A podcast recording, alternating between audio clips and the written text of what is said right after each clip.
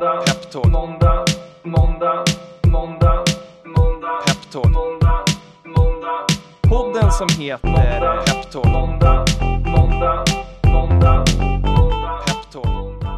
Varmt välkommen till ännu ett avsnitt av podden som heter Peptalk. Hur är läget Dan? Det är fina fisken här. Eh, Jag har haft några intensiva veckor bakom mig och lättar till Japan här om några timmar. Eh, Så det känns skönt att avsluta med att spela in ytterligare ett avsnitt av podden som ska bli det bästa avsnittet någonsin. Visst ska det bli det? Det, det kommer det bli. Jag är ganska övertygad om det. Vi har några grymma gäster idag också. Det har vi verkligen. Har du resfeber undrar jag? Eh, inte än, tror jag. Kommer vi få något eh, reportageaktigt från, vi brukar säga till våra lyssnare att man kan skicka in inspelade frågor. Kan det komma en inspelning från Tokyo? Det kommer komma många inspelade frågor till dig Filip som du kan få svara på under nästa veckas Gud vad kul! Ja, hur mår du då? Ja men jag mår jättebra. Eh, jag hade ju, eh, eh, vi spelade in på Finwire och eh, bakom spaken idag sitter Nils. Eh, Nils är en härlig person och eh, gillar hockey så eh, jag tog med honom på, på mitt kära Djurgården igår när de mötte hans kära Skellefteå AIK. Eh, och jag är väldigt glad idag kan vi säga. Eh, så vi får se om det här avsnittet kommer ut överhuvudtaget. Men det var faktiskt inte hockey när vi gick därifrån som vi snackade mest om. Vet du vad det var? Det var att eh, det satt en gubbe framför oss som vände sig om hela tiden och, eh, och stirrade på oss. Och vi fattade liksom inte förrän i för, första periodpausen, eller vi kommenterade inte förrän i första periodpausen så här, har du också tänkt på att den här gubben eh, vänder sig om och stirrar på oss hela tiden? Eh, och så insåg vi då att han tyckte nog att det var skitirriterande att vi satt och snackade. Eh, så, men det struntade vi. Aha, vad pratar ni om? Det Vi snackade aktier, vi snackade podden, vi snackade eh, hockey, fotboll, massa, massa härligt. Så det fick den här gubben leva med, att han inte hade lika trevligt som med sina gubbpolare som jag med Nils. Ja, härligt. Och på tal om podden, vad har vi på agendan idag? Ja, men idag så ska vi köra ett utbildande fokus. Vi har sagt att den här podden ska vara ett forum för att både liksom utbilda och inspirera eh, alla som driver eller- investerar i tillväxtbolag eh, och framförallt det onoterade. Så vi ska sätta oss i skolbänken och snacka med eh, min Peppins och din Peppins kompis Rasmus Videll. Eh, han var projektledare i den här emissionen som vi gjorde för Sharespy nyligen.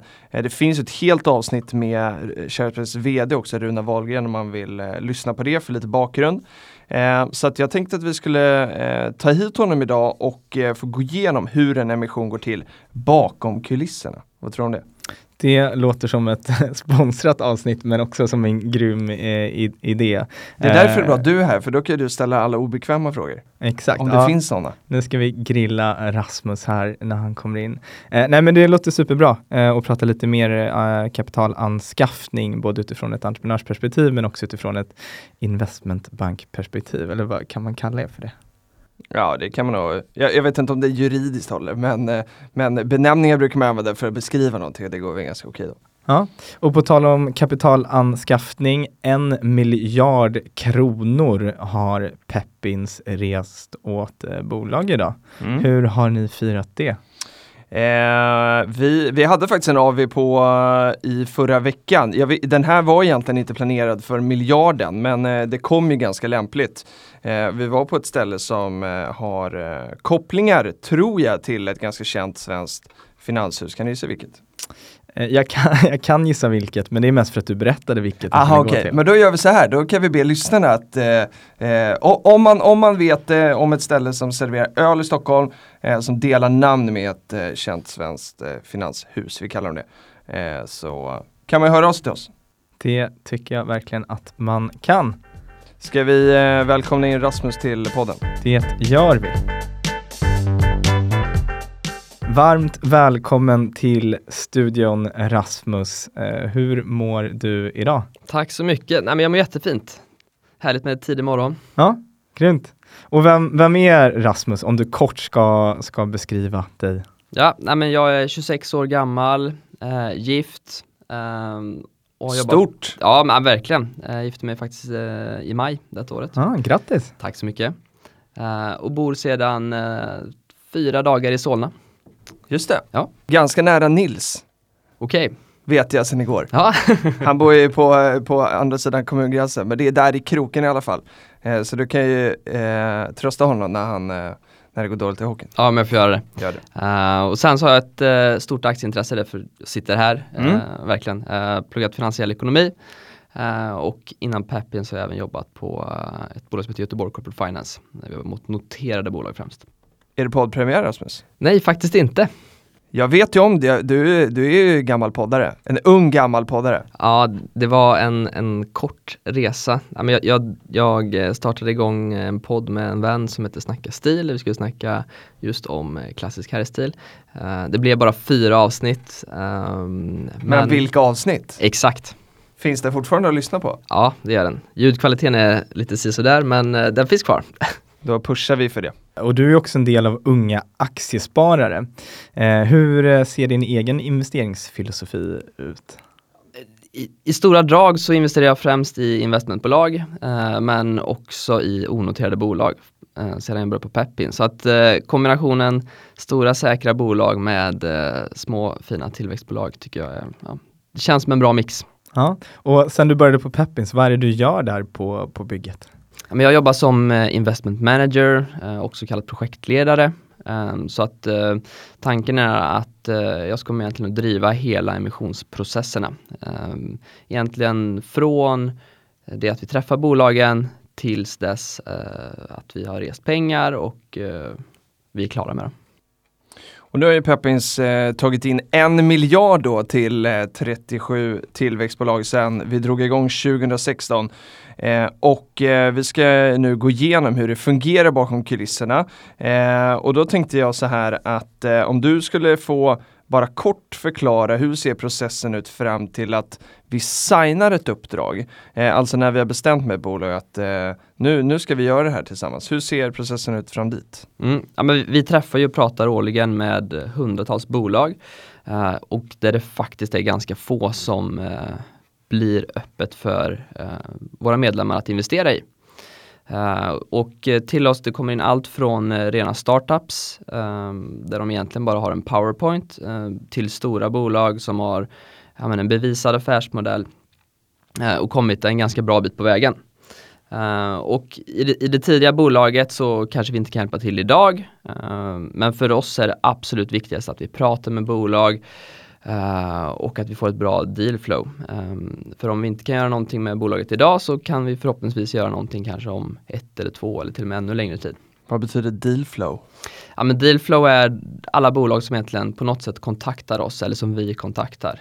Eh, så vi vill prata med så många bolag som möjligt. Ehm, för, det, för oss, det, liksom vår erfarenhet säger att desto fler bolag vi pratar med desto fler bra eh, och fina bolag kommer vi hitta. Bra. Och, eh, många bolag hör av sig, många bolag vill ha er hjälp eh, och många bolag kanske inte riktigt är där än. Varför skulle du säga att de flesta affärer inte blir av? Varför tackar ni nej till att hjälpa bolag? Mm. Ja, men alla bolag är unika, eh, de har unika önskemål och de har unika behov. Eh, men för att summera eh, detta så finns det några större puckar som man måste ta sig över innan vi kommer överens och signar med ett bolag. Eh, och den största anledningen till att vi tackar nej är just för att värderingarna på bolagen är för höga. Eh, bolag har ibland en förväntansbild som är så pass långt ifrån eh, vad vi tror eh, är möjligt. Eh, vilket gör då att vi inte kan eh, gå vidare, att det inte är lönt för någon av parterna egentligen. Eh, så att eh, det kan bli lite av ett dödläge om man är alldeles, alldeles för långt ifrån varandra. Ehm, och bolaget kan vara i ett för tidigt skede eller tajmingen inte är rätt då. Um, och detta återkopplar egentligen till att värderingen uh, är för hög. Uh, om vi pratar om ett väldigt tidigt bolag och värderingen uh, samtidigt är hög, den kombinationen gör det väldigt, väldigt svårt för oss ehm, ja, men, att göra någonting innan de har bevisat sig. Förstår, på tal om håsigt klimat, när jag startade bolag och tog in lite tips och råd från kunniga människor. Det var någon som sa, eller berättade för mig att ett, ditt bolag kommer aldrig vara högre värderat än när det bara är en powerpoint, för då är potentialen oändlig. det var inspirerande. Det stämmer väl ganska väl överens med, med det vi möter också då Rasmus? Ja men verkligen och, eh, och det som kanske Eller förväntan kanske på de här Ja men exakt och det som kanske är lite tråkigt också är att så fort ett bolag visar vinst så kommer man räkna på ett helt annat sätt. Ja. För då är det inte bara potentialen i framtida vinst utan nu ser man faktiskt hur ser marginalerna ut. Ehm, så att ett tidigt bolag kan värderas eh, ibland alldeles, alldeles för högt. Tycker jag personligen. Jag undrar hur du, eh, för så här, jag, jag vet ju att eh, det kommer in eh, en del förfrågningar, eller många förfrågningar från bolag som vill ha hjälp. Men jag vet ju också att du och, och liksom teamet är proaktiva ute och, liksom, och letar bolag. Hur, hur jobbar ni med det? Ja, men vi är väldigt aktiva och, och träffar spännande bolag hela tiden. Um, det kommer allt, vi, vi har ett dealflow som kommer till oss men vi kommer alltid även behöva vara aktivt ute och leta efter schyssta bolag. Uh, och det kan vara att vi tycker att vissa branscher ser spännande ut um, och där vi kanske tror att vi har ett bra investerarnätverk uh, som även är intresserade av en viss typ av investering. Um, och många på Peppins är också väldigt intresserade av just aktiemarknaden uh, och vi följer vad spännande entreprenörer gör. Och det medför att vi internt kan få tips uh, och ibland frågor om har vi pratat med bolag X uh, vilket kan leda till att vi kanske kontaktar dem eller att någon i vårt nätverk redan känner dem. Um, och för många bolag uh, är i vilket fall första ledet att träffa vår kollega Latif och övertyga honom att vi ska gå vidare i processen. Finns ett avsnitt med honom. Första avsnittet i, i podden är med honom. Exakt. Det första från den här studien ska jag säga. Ehm, och när vi tror att det är sannolikt att eh, det kan bli ett uppdrag för Peppins så blir vi som arbetar som projektledare, eh, jag och eh, kollegan Daniel, eh, involverade i processen eh, och vi träffar bolaget eh, i fråga.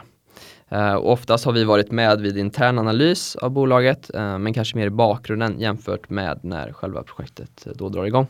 Och när man träffar La Latif eh, eller Peppins eh, första gången, hur går det till? Är det draknästet likt att eh, jag kommer dit med en powerpoint och han sitter där och gör tummen upp eller tummen ner eh, och avgör ödet eller blir det mer ett eh, casual samtal? jag, jag skulle säga mer casual samtal. Eh, speciellt man träffar Latif. Han är en eh, optimist i, alla dagar i veckan. Så att, eh, Varje case är det bästa caset någonsin. ja men exakt. Eh, Nej, inte riktigt. nej. Jag, jag, jag, man älskar Latif för att han är så Verkligen. positiv. Verkligen. Eh, så det han får oss kanske titta på case som vi i början kanske inte hade tittat på som gör, att vi får upp ögonen för någonting spännande. Eh, så att eh, ja, men det, det är bra att ha honom i första ledet. Åker vi ofta ut till bolagen eller är det krav att komma till Sickla? Nej, vi är ute väldigt mycket och träffar bolag. Eh, sen kommer en hel del bolag till oss också. Jag vet inte exakt fördelningen däremellan men nästan åt 50-50 hållet i alla fall. Det är bara att ringa så, så kommer vi dit i alla fall. Ja exakt, har vi vägarna förbi någonstans så träffar vi jättegärna bolag. Vi har ju eh, precis då genomfört en emission i Sharespine som vi tog in 12 miljoner till. Eh, om du Rasmus med den, skulle, eller med den som ett exempel skulle liksom förklara emissionsprocessen, vart börjar du då? Ja, men Sharespines grundare och eh, huvudägare var sedan tidigare kunder till Peppins eh, och de har använt vår plattform faktiskt ganska mycket tidigare. Eh, så när de kom till oss visste bolaget att de ville göra en publik eh, resa med Peppins. De hade även stenkoll på våra villkor och vårt upplägg vilket gjorde att eh, vi kom överens eh, väldigt fort. Eh, så Latif träffade dem under våren 2019 eh, och först gav han faktiskt bolaget ganska hård feedback främst på deras paketering. Och redan efter någon månad eh, hade bolaget tänkt om ganska kraftigt och frågat sig själva hur ska de paketera sina produkter och tjänster eh, vilket gjorde att vi sen då såg att caset faktiskt var väldigt spännande. Uh, och som jag förstod Latif från början så var han, han var taggad från början men uh, den här feedbacken uh, och med ändringarna gjorde att, ja, men att det gick verkligen att sälja till investerare. Och det här är en ganska vanlig dialog som vi kan ha med bolag.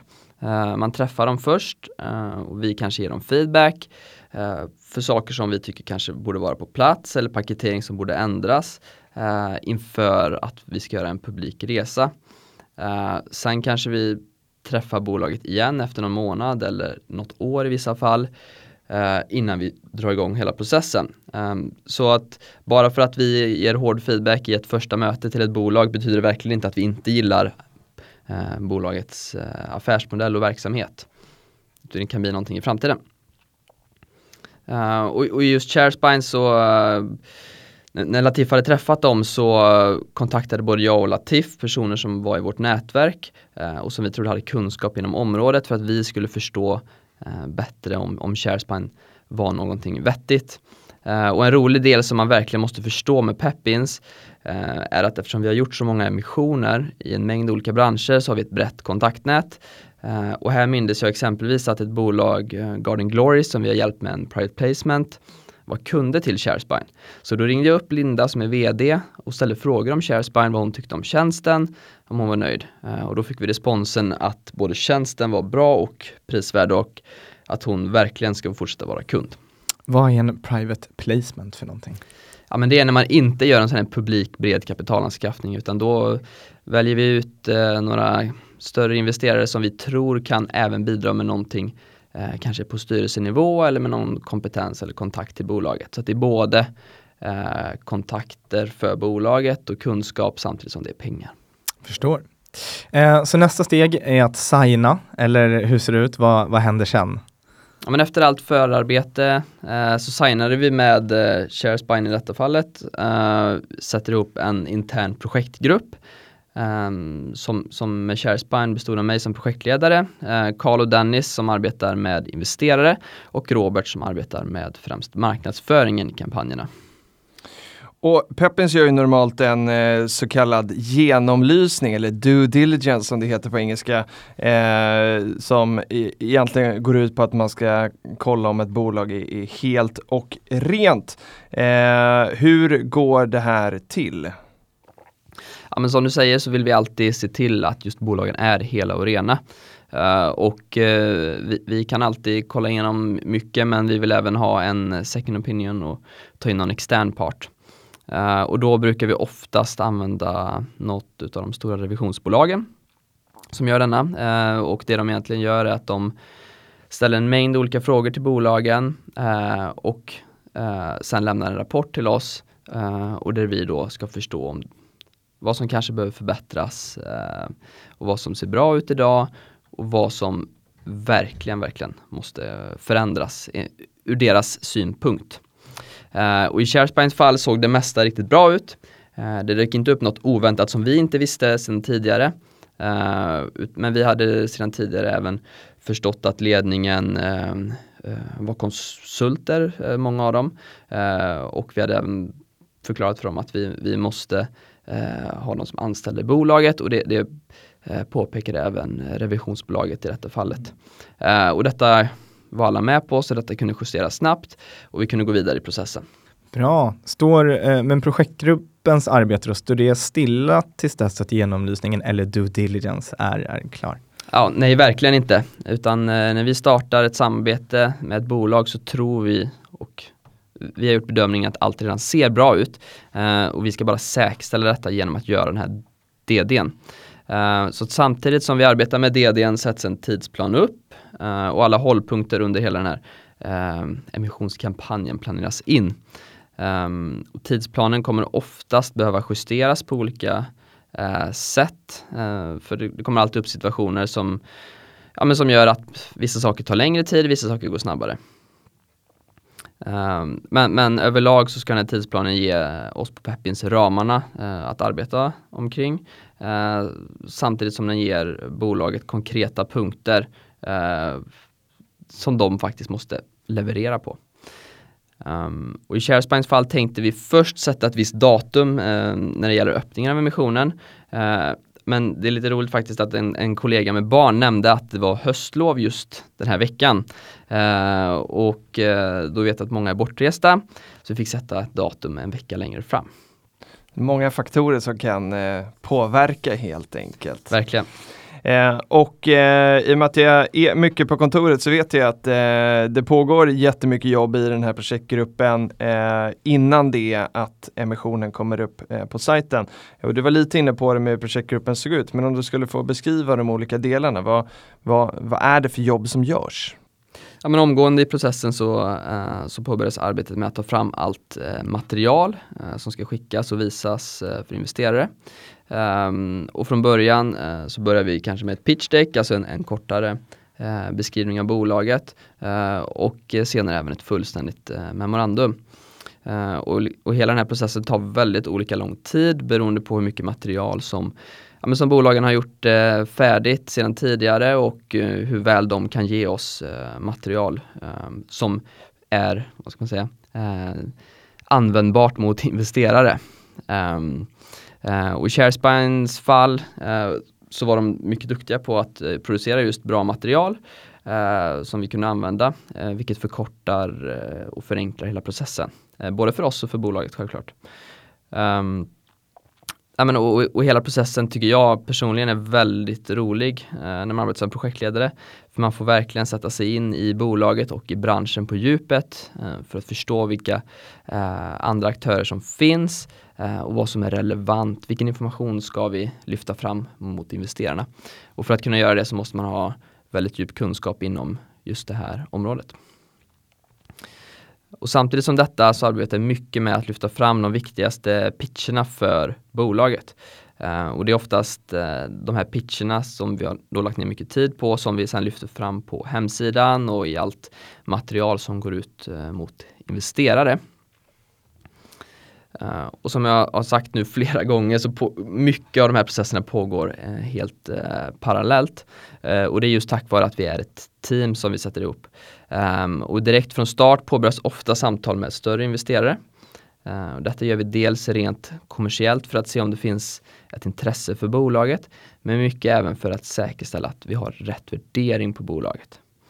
Ehm, när vi påbörjar en process tror vi att värderingen som är satt ska gå att sälja men det är alltid investeraren som till slut säger sista ordet, vilket gör att det är oerhört viktigt att involvera dem tidigt. Vilka förväntningar, eh, säg att eh, mitt bolag då, eller Sharespine i det här fallet, eh, ska ta in eh, kapital. Eh, vilka förväntningar har du som projektledare på mig som, som vd eller som entreprenör under perioden för emissionsarbetet? Och hur mycket tid tar det egentligen från, från mig? Ja, men det kommer ta mycket tid och energi eh, för att kampanjen och emissionen ska bli så lyckad som möjligt. Eh, alla bolag har olika önskemål men vi försöker alltid förbereda våra bolagskunder med att de måste lägga ner mycket tid och energi på själva processen.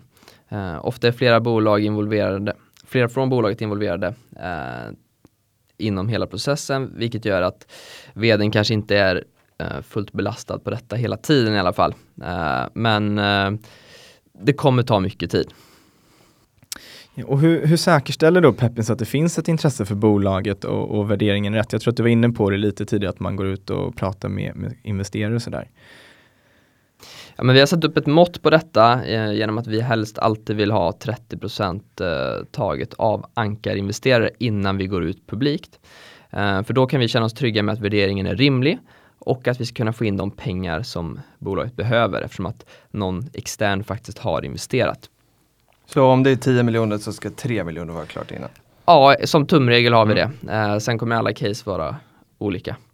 Uh, men i, i Sharespines fall fick vi in ett stort intresse från uh, större investerare tidigt uh, och vi kunde gå ut med att Dan Castillo valde att investera innan vi öppnade emissionen, vilket var jätteroligt. Um, och processen med att få in större investerare går ibland fort, ibland tar det ganska lång tid. Ehm, och detta påverkar mycket när vi faktiskt kan öppna en emission. Eh, för har vi inte fått in intresse från större investerare så kommer vi ha ganska svårt ehm, eh, att öppna emissionen och rikta oss mot hundratals eller tusentals eh, mindre placerare. Och när vi är så här långt i processen då så eh, för eh, oss vanliga dödliga då eh, så finns det ju egentligen en teaser på hemsidan, ett kort som eh, säger att snart är en emission på gång, i det här fallet i, i Sharespine då. Eh, när kommer eh, liksom gemene man få ta del av allt material som det har jobbats flitigt på? Ja, när det gäller Sharespine så la vi upp eh, fullständigt material, alltså ett pitch deck och ett memorandum ungefär tre veckor innan vi öppnade emissionen. Eh, och det är främst att vi ska kunna sprida information och låta investerare hinna läsa på innan de ska ta eh, beslutet att investera eller inte. Från det att vi signat ett uppdragsavtal eh, med Sharespine var vårt mål att komma ut med bra och relevanta nyheter fram tills dess att emissionen stängde. Detta är något som främst Robert tillsammans med bolaget planerat fram. Och vi försöker alltid arbeta med PR och i Sharespines fall fick vi exempelvis ett dubbeluppslag i Bohuslänningen. Stort! Och de var även med på realtid. Um, och vi har, vi har ju även en podd som vi faktiskt just nu sitter i, eh, som Runa fick vara, vara med och medverka i. Eh, där, där du Filip gjorde en, en grym intervju med honom tycker jag. Tack! Det berodde på intervjuobjektet, höll jag säga. Kan det ha varit podden som gjorde att eh, emissionen stängde på 24 timmar? Jag vill ju tro det. Ja. Eh, finns det några förväntningar på hur mycket befintliga ägare eller närstående ska, ska investera i bolaget själva? Men för oss är det alltid ett styrketecken att befintliga ägare vill fortsätta investera. Eh, samtidigt vill de ju ta in externt kapital av en anledning. Ofta att de inte har kanske mer kapital att investera, vilket gör det rimligt att de enbart har en mindre del av emissionen. Eh, det vi vill säkerställa är att entreprenören som driver bolaget stannar kvar och fortsätter arbeta med just affären. Eh, I Sharespan hade vi redan tidigt i processen fått indikationer på att det fanns ett stort intresse från befintliga ägare att fortsatt investera i bolaget. Eh, och personalen eh, visste vi också var väldigt intresserade av att investera. Och befintliga ägare tog ungefär 2 miljoner av emissionen och personalen valde att investera totalt 800 000. Och hur tar du som projektledare då temperaturen på intresset från crowden, alltså de många små spararna? Ja, men vi, har, vi har lite olika sätt faktiskt att, att mäta detta på eller, eller där vi kan få indikationer på detta. Eh, och, och, i Sharespines fall fick vi väldigt bra respons från ankarinvesterare ganska tidigt. Eh, men vi fick även in över tusen intresseanmälda på vår hemsida för bolaget. Då. Uh, kombinationen av detta gjorde att vi såg ett stort intresse eh, och vi var då väldigt komfortabla med att många investerare skulle välja att just investera. Och ytterligare en indikation på att eh, det var ett stort intresse. Eh, det var att vi hade ett live-event som vi planerade in just när vi skulle öppna emissionen eh, den 6 november klockan 19. Eh, och det var väldigt många eh, som valde att gå på det och var anmälda till det. Så att det kom över 100 personer. Alla hade inte ens plats att sitta. Eh, vilket gjorde det jättekul att fira in öppningen med, eh, med Sharespine. Och eh, om du skulle få sammanfatta resultatet då. Eh, nu vet vi att det stängde fort och det var 12 miljoner som skulle in. Men, men eh, om du skulle få sammanfatta med din ord då, hur, hur summerar du resultatet? Ja, men bolagets befintliga ägare investerade, personalen investerade, över 450 nya delägare kom in och vi lyckades stänga emissionen på exakt 24 timmar. Eh, och Sharespine har fått in 12 miljoner kronor och kan nu fortsätta sin eh, tillväxtresa. Eh, så vi kan inte vara annat än fantastiskt nöjda med eh, resultatet. Och nu när du har stängt det här projektet och kanske får lite rum att andas, eh, vad, vad ligger i pipen för dig nu?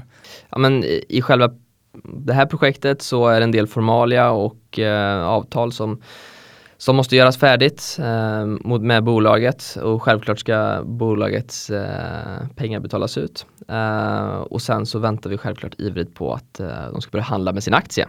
Får vi se när det blir. Det är ju planerat till september ju. Exakt. Eh, fort går det dit hoppas vi. Ja. Det blir spännande. Stort tack Rasmus för att eh, du kom till studion och, och otroligt eh, bra jobbat med, med det här projektet. Det, det har varit väldigt roligt att följa. Tack, Tack kul att vara här.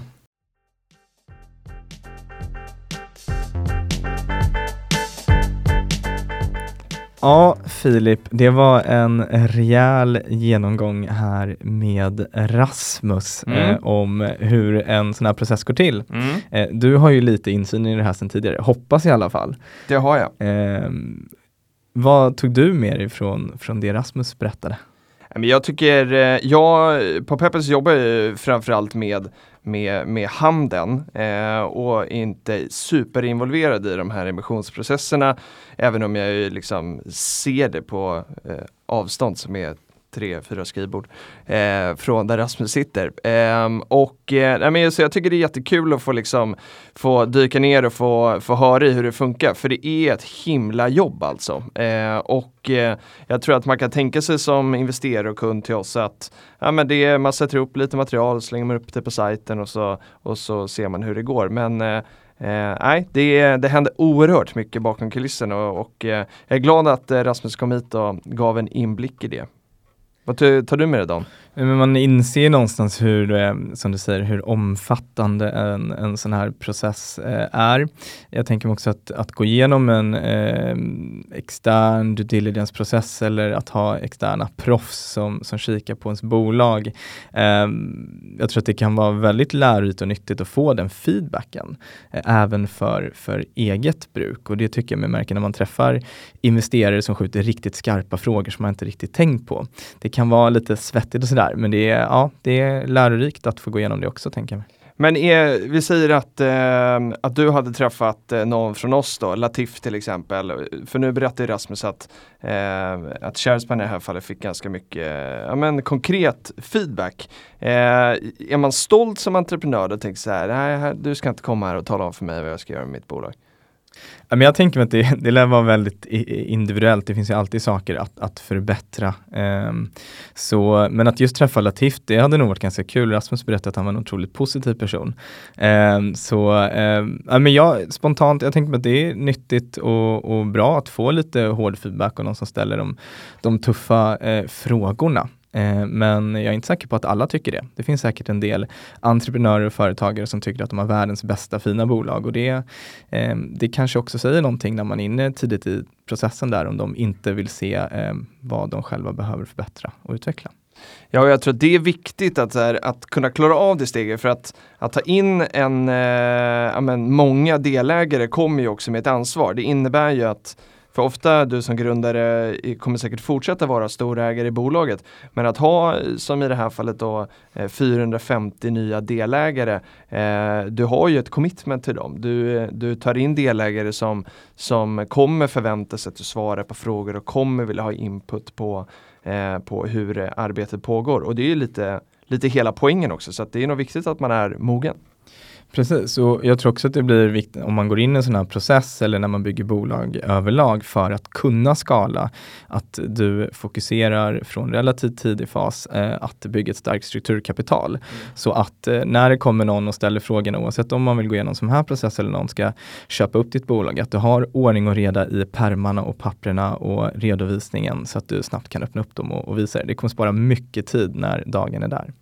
Och så tänker jag, jag har ju refererat någon gång tidigare till eh, våran Peppins grundare Anders Sjunnesson. Eh, och han, eh, han, han brukar säga att när, när någonting är lite läskigt så är det, ja, men då, då, då är det bra. Det ska kännas lite läskigt för då är man, ja det är väl den här utanför komfortzonen som, som man har hört talas om förut. Men jag tänker att det är precis det, att få feedback på sitt bolag, det är ju, det är ju jobbigt för att det är lite läskigt. Att någon ska tycka om det som man eh, har lagt så mycket tid och eh, kärlek på. Men jag tänker mig att eh, på andra sidan av det så, så finns det någonting eh, vackert när man tar in en massa delägare som, som är med och bryr sig och, och gör eh, bolaget ännu bättre. För det behöver inte vara att bolaget är dåligt för att man får eh, konstruktiva eller feedback. Det kan bara vara att det finns lite att putsa på. Ja, och på tal om läskigt, när jag var 16-17 år tyckte jag det var ofantligt läskigt att ringa upp främmande människor på telefon. Eh, men nu tycker jag att vi tar och ringer upp Runar Wahlgren på Sharespine så att vi även får med entreprenörsperspektivet. Det gör vi. Ja, Runar. Hallå Runar, Filip här. Tjena. Varmt välkommen tillbaka till podden. Tack.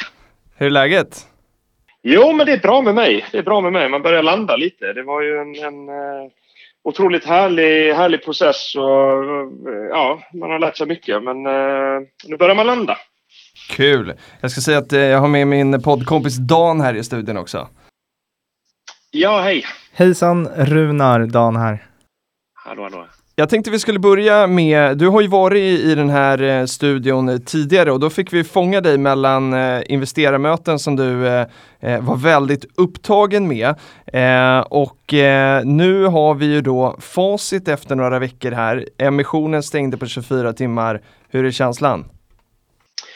Nej, men det känns självklart jättebra. Jag menar, vi har lagt, som jag sa, vi har lagt, vi har lagt mycket tid på kampanjen. Det har varit en, en eh, lång, lång process, eh, även om den där sista, sista biten gick väldigt fort. Eh, så att, eh, nej, det känns, känns kanon. Och om jag har hört ryktena rätt så tippade du också eh, Runar på att eh, emissionen skulle stänga där på 24 timmar. Kan du beskriva magkänslan du hade inför öppningen? Jo, nej, men det var väl en ganska vild chansning får man väl säga. Eh, eh, men, eh, men det är klart, vi började ju någonstans. Jag menar, det är ju en resa man gör innan, innan emissionen och vi, vi, det är ju en ganska komplex tjänst eller produkt vi har. Så att man fick, fick ju eh, lära sig mycket under tiden och jag menar, vi har funnits ett bra tag men, men Eh, allting handlar någonstans om, om eh, timing. Eh, och det, eh, det känns väl så här, jag menar, vi, vi hade inte varit redo för det här för ett år sedan. Eh, nu var vi redo, marknaden var redo. Eh, om, eh, om vi hade gjort det här om ett eller två år så vet man ju inte. Då, då kanske man hade varit för sent på det. Då kanske det är andra som har, har eh, sprungit snabbare. Eh, så ja, det, lå det låter kanske lite som en floskel, men alltså vi, jag tycker vi träffade väldigt rätt eh, tidsmässigt. Eh, och det var nog liksom, det var när vi började närma oss eh, 6 november då, då vi eh, öppnade upp emissionen, då, då kände man att, då var det liksom min magkänsla att ja men eh, tajmingen är rätt och, och då kunde man vara lite kaxig och häva ur sig en sån sak. Mm. Och vad eh, under den här då processen eh, från emissionsrundan, eh, vad för lärdomar tar du med dig från där? Har du lärt dig någonting och blev det som du hade tänkt dig? Eh, ja, nej, men det är två, två bra frågor. Alltså, jag tycker jag, jag har lärt mig otroligt mycket. Eh, det är ju det är alltså tredje, tredje bolaget som, man, som jag är med och bygger upp. Och, men det är första gången, eh, första gången jag går ut publikt och söker kapital. Och det är klart, det är ju en process i sig. Eh, ni på, på Peppin ställde ju en massa jobbiga frågor i början som man verkligen fick fundera igenom och, och jobba med. Så att jag menar inledningsvis så, eh, så fick ju ni oss att eh, verkligen liksom granska oss själva och, och, verksamheten och verkligen fundera igenom. Liksom, är det här, eh, tänker vi rätt? Så att, eh, och sen så, sen så börjar man träffa investerare och då är det egentligen samma sak. Man får ju periodvis väldigt tuffa frågor men jag, någonstans, men jag tror att ja, 90 procent av alla de frågor vi har liksom fått, de har ju varit högst relevanta och de har ju hjälpt oss att, att eh, vässa vårt bolag. Eh, så att ja, nej, men det har varit en jättelärorik process. Och, och Eh, jag tror nog det blev nog ungefär som jag hade, hade tänkt mig. För vi var ganska mentalt förberedda på att det här är en process. Eh, och det är ju tror jag, det är jättemycket tack vare er. Alltså jag tyckte ni, ni på, på Peppins hjälpte oss liksom att eh, få in mindsetet tidigt. Så att, eh, och sen, eh, ja, sen, sen tar det ju 24 timmar att stänga den. Men det är ju massvis med jobb. Liksom. Jag tror vi har hållit på i i vart fall 6-7 månader innan. Eh, och någonstans så blir det ju liksom, det är slutklämmen då, där och då har man ju, då har man ju lärt sig mycket. Verkligen och eh, tack för all eh, fin feedback. Man blir ju jätteglad som eh, Peppins eh, medarbetare. Jag ska skicka vidare till eh, alla som eh, förtjänar den feedbacken också. Eh, men jag är jättenyfiken på att höra, efter den här emissionen så kommunicerade ni en jätterolig nyhet som man kan läsa på ert Stakeholders Club. Eh, om, eh, om man inte har läst den, kan du berätta vad, vad den innehöll? Ja, nej, men det var, det var en, en, en kul nyhet och vi, vi valde ju faktiskt att inte... Vi kunde ha gått ut med den precis där innan, innan emissionen öppnade, men vi kände att det hade varit... Eh, hade lite grann stört den, så vi, vi, eh, vi väntade lite med det. Men ja, nyheten är ju att vi, vi har ju fått in eh, iSettle som, som eh, embedded-kund. Eh, och för den som inte vet vad en embedded-kund är, så är det ju att vi har ju Eh, vi använder ju vår teknik eh, inne i deras teknik, så de har ju blivit kund hos oss och snart så öppnar de upp möjligheten för, för sina användare att eh, via iSettles eh, mina sidor eh, där, där liksom handlarna är inne och jobbar. Eh, där ska man kunna gå in och så ska man kunna koppla på eh, integrationer till, eh, till bokföringsprogrammen så att man eh, enkelt kan eh, få automatiserad bokföring på det man eh, säljer via iSettle. Och, och, där är ju de är vår kund, eh, Izettle är vår kund och sen så har de eh, eh, använt vår teknik då på ett smart sätt inne i sin plattform. Så att, eh, och det är, ju, det, är ju liksom, det är ju den typen av eh, affärer vi ser framför oss att vi ska göra fler av och det känns ju såklart eh, otroligt eh, hedrande och, eh, och kul att, eh, att då börja med att få en sån, eh, ett så pass eh, stort namn på, på listan. Mm. Och det, det, kan ja, in, att använda ShareSpine för att, att göra integrationer, eh, bland annat via WooCommerce och Klarna, det underlättar livet ganska mycket, säger jag som inte kund själv, men eh, som har hjälpt andra bolag att integrera. Eh, vad händer nu då? Ni har pengar på kontot. Eh, vilka utmaningar hugger ni tag i härnäst? Eh, någonstans un, un, under hösten när vi liksom såg att det här, eh, att det här skulle verkligen eh, gå vägen och vi började se liksom intresset, då, då satte man såklart igång en massa processer internt. Men det är ju det är egentligen först nu efter att vi efter att vi har landat det här och, och, och, och landat i hela grejen så, så man liksom har kunnat eh, starta, starta de säga, större processerna. Och det, det, det det primärt handlar om nu det är ju liksom att hålla oss, eh, hålla fokus, hålla oss till den här planen som vi har satt och där är ju liksom steg ett, det är ju att vi, eh, vi behöver ju anställa en del folk. Eh, så det är ju en, lite rekryteringsprocesser som, som är igång. Eh, och med det så kommer det såklart att följa en massa, det är ju liksom inte bara att få in, in personen utan det handlar ju såklart om att och, och ja, få organisationen att, eh, att vara, vara beredd på resan och eh, eh, det är ju liksom både, vad ska man säga, bland befintlig personal men det handlar ju också såklart om så här praktiska saker som att eh, till exempel vi har ju vi har en del som sitter i, i eh, Uddevalla och det kontoret eh, eh växer vi ur, eller har vuxit ur, så att vi sitter och tittar på, på lite nya lokaler där. Så att det kommer ju en massa praktiska saker, men, men summa summarum, liksom, ja, det, är ju, det, är ju, eh, det är ju organisationen och nyrekryteringar eh, som står överst. Och då är det ju eh, både inom försäljning men också inom, inom utveckling.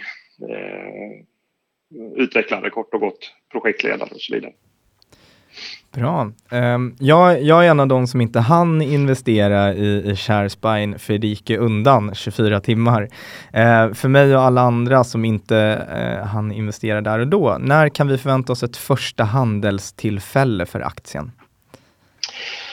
Eh, nu ska vi se. Eh, vi har väl preliminärt sagt att eh, september, eh, september 2020 så vi har ju, säga, vi har väl, eh, ja, inte riktigt ett år men eh, ja, det är ett bra tag till dess. Eh, det är ju vad vi har sagt preliminärt. Sen vet man ju aldrig på vägen om man, om man liksom bestämmer sig för att tidigare lägga det. Men jag tror man ska ha det. Det är nog en bra eh, måttstock helt enkelt. Bra att sätta eh, förväntan. Efter sommaren, nästa sommar. Det är bra att sätta förväntan och, och annars ringer du mig Runar så, så löser vi det tidigare också. Men jag tänkte så här, det går ju, tiden går ju fort till september eh, och eh, om man eh, nu vill hålla liksom koll på vad, hur det går för bolaget till dess, vilka typer av rapporter kan man förvänta sig från er? Jag tror att det är lite, du är ju liksom inne på det där, det är ju lite det det handlar om när det kommer till att, att ha den här, eh, det, det, är ju liksom att, att starta handeln direkt. Vi har ju inte, vi har inte bevisat något ännu så att det handlar lite om det att vi vill ju, vi vill ha tid till att eh, faktiskt visa vad vi, vad vi kan göra och, och, och, visa, visa lite rapporter på vägen. Så att jag har väl tänkt att eh, Eh, ekonomisk rapportering eh, tänker vi börja med att köra halvårsvis. Så det, det kommer att komma någonting här när, när eh, 2019 är, är, stängt och sen kommer det ju ytterligare en till då innan, innan, eh, innan handeln. Men sen hoppas jag såklart på att, eh, jag menar, vi ska ju inte bara vara bolaget som skickar ut en halvårsrapport utan eh, vi måste vara duktiga på att informera ja, både ägare och marknad om viktiga händelser däremellan. Så att, någonstans hoppas jag att vi ska kunna presentera i alla fall ett, ett, par, tre, ja, ett par tre nyheter per kvartal. Eh, stort och smått såklart. Det är inte, vi kan inte, man kan inte kan sätta en stor nyhet varje månad men att någon, någon form av information om vad som händer det, det hoppas jag att vi ska kunna släppa lite tätare. Och det ser vi fram emot. Har du eh, för dagen någon avslutande hälsning till eh, alla som har investerat?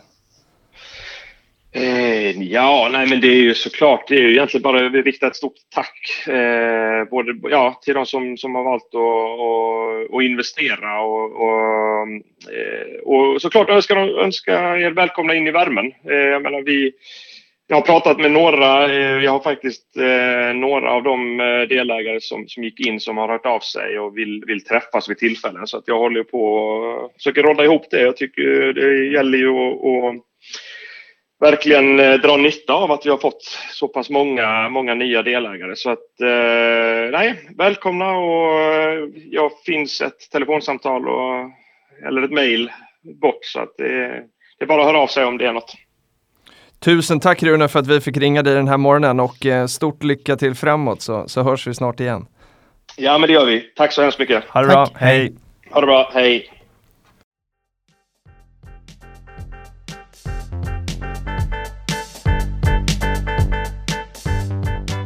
Sådan, det var Runar. Det var Runar. Eh, Fick ni eh, ses också? Precis, ja, men det var kul att få, jag har ju läst eh, material om, om Sharespine, eh, har också tittat in deras produkter eh, som jag nämnde. Um, ja och förklara det, du har ju alltså, det är ju inte i, i någon Peppins roll, du är ju inte anställd av eh, av Peppins så, eh, även om du har ett uppdrag i, i den här podden. Men det här, så det här var någonting utanför? Nej men precis, så jag hjälper lite olika bolag eh, i olika skeden och i det här fallet så hjälpte jag ett bolag att titta på hur man kunde effektivisera deras e-handel som är byggd på WooCommerce som eh, plattform eh, och för att slippa lägga massor med tid eh, och manuell handpåläggning på diverse administration så kan man eh, då koppla ihop olika typer av affärssystem. Eh, och är man ingen superduktig kodare så finns det ju då eh, tredjepartslösningar, typ ShareSpine, där du enkelt kan koppla ihop typ WooCommerce, din e-handel, eh, med låt säg Fortnox eller med Klarna så att det automatiskt uppdateras i ja, lagervolymer och sånt på hemsidan. Så, så på så sätt hade jag kommit i kontakt med ShareSpine. Häftigt. Vad, vad tycker du om, eh, han låter ju väldigt nöjd Runar och det ska han ju vara. Ja men han lät, eh, jag tyckte han lät eh, pepp peppad eh, på, på det som komma, komma skall. Och det kändes som att eh, han var ja, men fokuserad på att vilja bevisa nu inför att eh, handeln kickar igång senare under 2020. Så det blir riktigt kul att, att följa den resan. Mm. Och eh, som sagt så vill man höra mer om ShareSpine så finns det ett helt avsnitt med eh, Runar när han var här i studion. Eh, och eh, som Rasmus var inne på så körde vi ett event i Göteborg i samband med öppningen Eh, och det här eh, filmades så att eh, det finns på Peppins Youtube-kanal. Eh, och om man har åsikter om det här avsnittet, vad gör man då Dan? Då mejlar man till peptalk.peppins.com. Man kan också skriva till oss på sociala medier, at join-peppins och vi finns på Instagram och Twitter Twitter. Eh, det går också jättebra att skicka inspelade frågor på mejlen också. Eh, spelar upp dem här i podden. Det har varit lite skralt med de ljudklippen hittills, eh, men det tänker jag att jag ska dopa från Tokyo nästa vecka. Du blir först ut. Precis. Och vart kan man lyssna på den här podden då? Vi finns på Soundcloud, Acast, Podcaster och Spotify. Glöm inte att prenumerera så att ni inte missar eh, nästa avsnitt. Och sen har vi en disclaimer också Dan. Yes, den här podden... Eller riskinformation. Är det det det betyder? Nej, jag tror det. Ja. Eh, den här podden produceras för Peppins och inget av innehållet ska ses som finansiell rådgivning. investeringar i aktier är förenat med risk som innebär att man kan förlora delar eller hela det investerade kapitalet. Och I det här avsnittet har vi snackat om ShareSpine och hur man eh, tar in pengar via Peppins. Eh, och Filip, du äger aktier i just ShareSpine eh, och det gör inte jag. Eh, och Rasmus som var här äger också aktier i Sharespine ska vi säga. Mm. Och eh, om man är eh, uppmärksam då så kanske man undrar varför jag och Rasmus eh, kan äga aktier när emissionen stängde efter 24 timmar. För att vi eh, är hyfsat duktiga tycker jag på att berätta att personalen på Peppins alltid går efter kunderna. Eh, så vi har ju en del interna regler för hur man får investera. Och då har vi en gräns att vi får inte investera i en emission eh, förrän det har gått 24 timmar eh, från eh, öppningen. Eh, och eh, när det hade gått 24 timmar så fanns det en liten, eh, vi ska säga, det var en väldigt liten slatt kvar och då var jag och Rasmus snabba där och investerade lite grann. Så att det är enligt regelboken, Bra. Ja. Alltid skönt att höra när det görs by the book. eller hur? Eh, Daniel önskar dig en eh, supertrevlig resa och eh, önskar alla som lyssnar en härlig vecka så hörs vi snart igen. Hej då!